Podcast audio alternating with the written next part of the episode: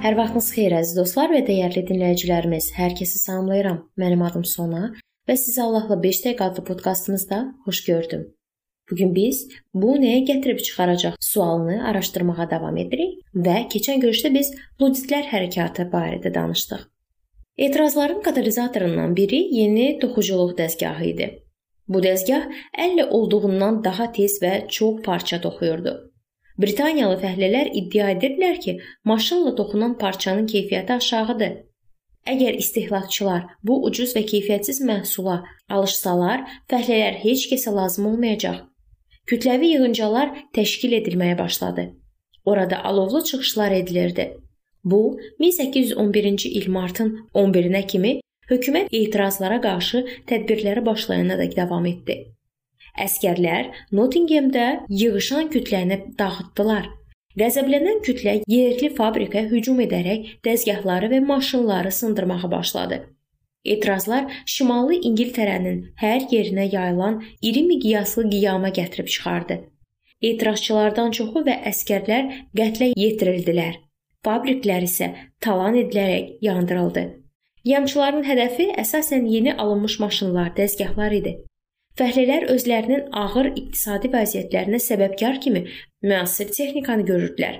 Onları sındırmaqla bütün çətinliklərdən bir dəfəlik qurtulduqlarını düşünürdülər. Etirazçıların öz qəhrəmanları vardı. Ned Dud. Deyilənə görə Dud Lesterdə toxucu işləyirmiş. Növbəti dəfə texniki yeniliklərə qarşı qəzəblənəndə çəkiclə toxuculuq dəzgahını sındırmışdı. Ned Dud həmin hadisədən sonra bütün İngiltərədə etirazçı fəhlələrin simvoluna və liderinə çevrilmişdi. Müasir tarixçilər deyirlər ki, əslində Ned Dud adlı şəxsiyyət olmayıb, amma bu fakt şayələrinin qarşısını almağa mane olmurdu. Luditlər barədə rəvayətlər indiyədək yaddaşlarda yaşayır. Texnoloji yeniliklərə qarşı çıxan adamları bu gün də Ludzit adlandırırlar. Söhbət belə deyən adamlar barədədir inkişaf əndazədən çıxıb. Əlimizdə olanlarla qane olmalıyıq. Yenilərinə ehtiyac yoxdur. Luditlər öz məqsədlərinə çatdılarmı? Yox, heç nə nail olmadılar. Dəyişikliklərə qarşı mübarizə elə də sadə məsələ deyil. Texnoloji yeniliklərə qarşı maneələr nadir hallarda uğurla nəticələnir. Luditlərin qorxusu əsaslandırılmış ola bilərdi, amma onların mübarizəsinin üsulları qələbəyə gətirib çıxarmadı. Bu gün də keçmişdə olduğu kimi bəzi insanlar həyəcan təbili çalırlar və bu çağırışlar dünyəvi nəzər nöqtəsindən bəhrələnir. 2005-ci ildə CNN kanalı elektron poçt IQ səviyyəsini marixuanadan daha sürətli aşağı salır başlıqla yazı dərc etdi. Britaniya qəzeti isə 2009-cu ildə məlumat yaymışdı ki, Facebook sosial şəbəkəsindən istifadə xərçəng xəstəliyinə yoluxma riskini artırır. Qəzet başlıqları xəbərdarlıq edirdilər ki, Twitter və Facebook mənəvi əsasları sarsıda bilərlər. Nüfuzlu The Atlantic qəzeti məqalələrdən birində düşündürücü sual verirdi. Google bizi kütləşdirmirmi? Bütün bu qorxular 19-cu əsrdə yaşamış luditləri təkrarlayır. Kimdəsə həyatımızı daha da yaxşılaşdırmaq istiqamətində ideya yaranır.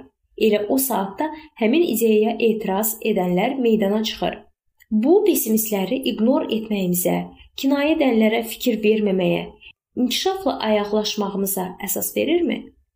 Texnoloji inkişafa, xüsusən də oturmuş həyat tərzimizə təhlükə yaradan yeni elektron texnologiyalara necə münasibət bəsləməliyik? Onlar inkişafın və insan rifahının sadəcə bir parçası deyilmi?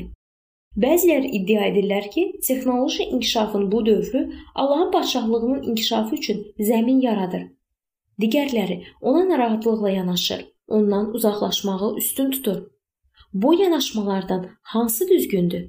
Ailəmizə, imanlar cəmiyyətinə hücum edən bu fəlakətə necə münasibət bəsləməliyik? Biz məhz nəyi texnologiya adlandırırıq və o bizi hara aparır?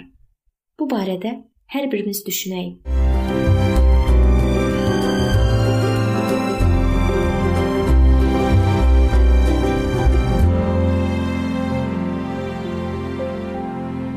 Beləliklə əziz dostlar, bu yerdə bu mövzu sona çatdı. Hər zaman olduğu kimi sizi dəvət edirəm ki, bizim podkastlarımızı Facebook səhifəmizdən və YouTube kanalımızdan dinləməyə davam eləyəsiniz. İndi isə mən sizinlə sağollaşıram və növbəti görüşlərdə görmək ümidi ilə. Sağ olun, salamat qalın.